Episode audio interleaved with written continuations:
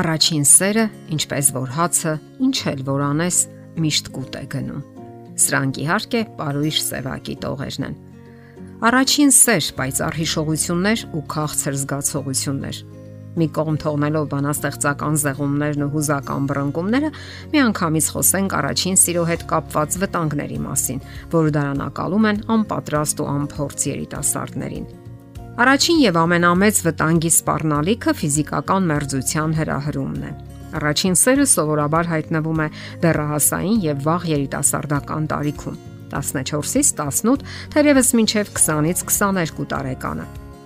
Բնական է, երբ տղան կամ աղջիկը հավանում են միմյանց, Սակայն նրանք պետք է պատրաստված լինեն, նաև կրթված, թե ինչպես վարվեն եւ ինչպես պահեն իրենց։ Նրանք պետք է իմանան, որ որոշ գործողություններ հորմոնների արտանետում են հրահրում։ Այդպիսի հորմոն է օրինակ դոֆամինը, որը սեռական ցանկություն է առաջացնում։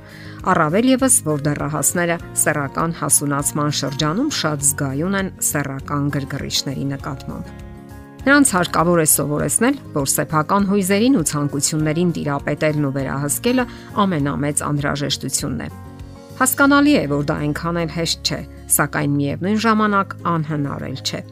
Համբերատարը զորավորից լավ է եւ իր հոգին կառավարողը խաղաղ գրավողից։ Այս խոսքերը պատկանում են Սողոմոնի մաստունին։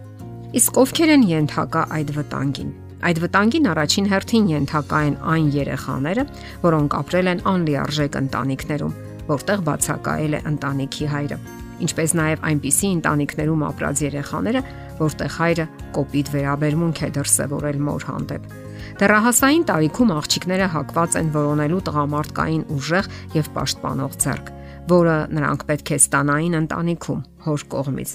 եւ երբ նրանց ուղեղում գիտակցության ու հոգեբանության մեջ դատարկություն է առաջանում, պատճառը ընտանեկան խաթարված հարաբերություններն են, հատկապես երեխաների հետ հարաբերությունները։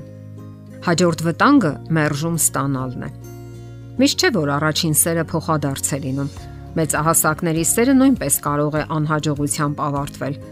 Սակայն երիտասարդները, պատկերավոր ասած, առանձնահատուկ ժողովուրդ են եւ կարող են լուրջ սթրեսների մեջ հայտնվել։ Անհաջող սերը նրանք ընդունում են որպես մահացու վիրավորանք իրենց ինքնասիրությանը։ Նրանց դժվար է համոզել, որ դա աշխարհի վերջը չէ եւ որ կյանքը դեռ շատ հնարավորություններ ունի։ Մեկ այլ վտանգ է թեկուս հազվադեպ հանդիպող ինքնասպանության մասին մտքերը Երբ նրանց մոտ ցածր ինքնագնահատական է ձևավորվում կամ դեպրեսիա, այդպիսի մտքերը կարող են այցելել։ Վիճակագրությունը փաստում է, որ 1 տարում մոտ 3000 երիտասարդ է կյանքից հեռանում անհաջող, մերժված ու անպատասխան սիրահարվածության արդյունքում։ Ահա թե ինչու իմաստ ունի երեխաներին պատրաստել ու սովորեցնել նման իրադրություններից խուսափելու համար։ Երեխաների հոգեբանությունը դեռևս կայուն ու հուսալիորեն ձևավորված չէ ճիշտ հետևություններ անելու, այդպես վարվելու եւ նման հարվածներից անվնաս դուրս գալու համար։ Մասնագետ հոգեբաններն ասում են, որ նման թեմաներով կարելի է խոսել երիտասարդների հետ մոտավորապես ամիսը 1 անգամ։ Նրանց հարկավոր է համոզել, որ սերը բոլորովին էլ հորմոնային կախվածություն չէ։ Նրանց պետք է բացատրել, որ սերը վեհ ու բարձր սկզբունքներն են, հոգեվոր արժեքները եւ միմյանց հանդեպ նվիրվածությունն ու հուսալի հարաբերությունները։ Ասենք որ սերը համբերություն է, դիմասինին հասկանալու, ընդունելու եւ նրա մարդկային սխալները ընդունելու ընտունակություն։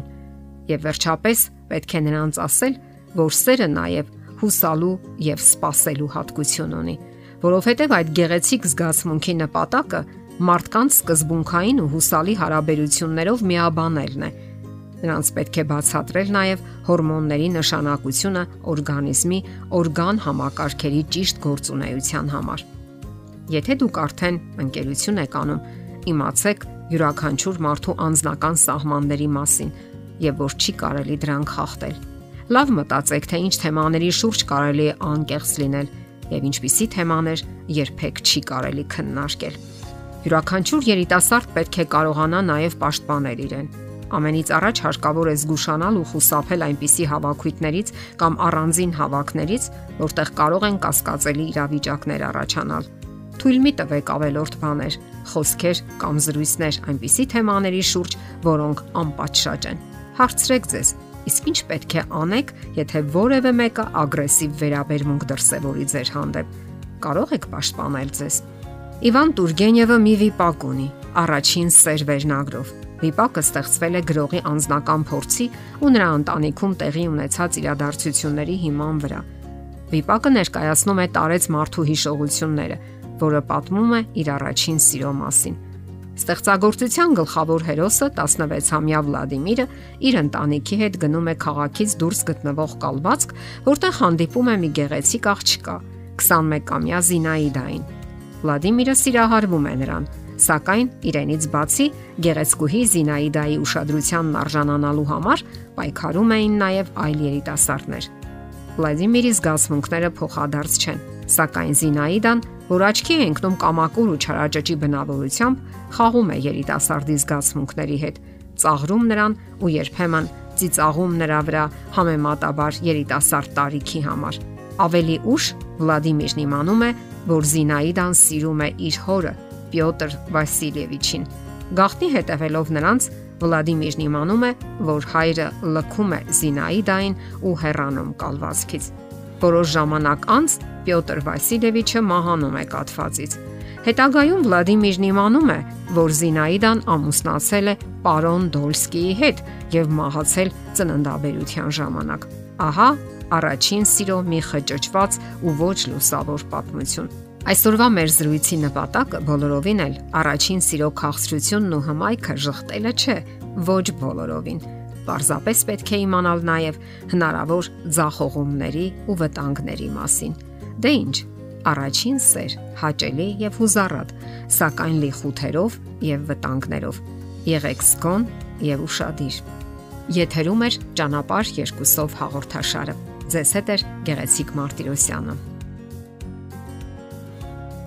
Հարցերի եւ առաջարկությունների համար զանգահարել 033 87 87 87 հեռախոսահամարով։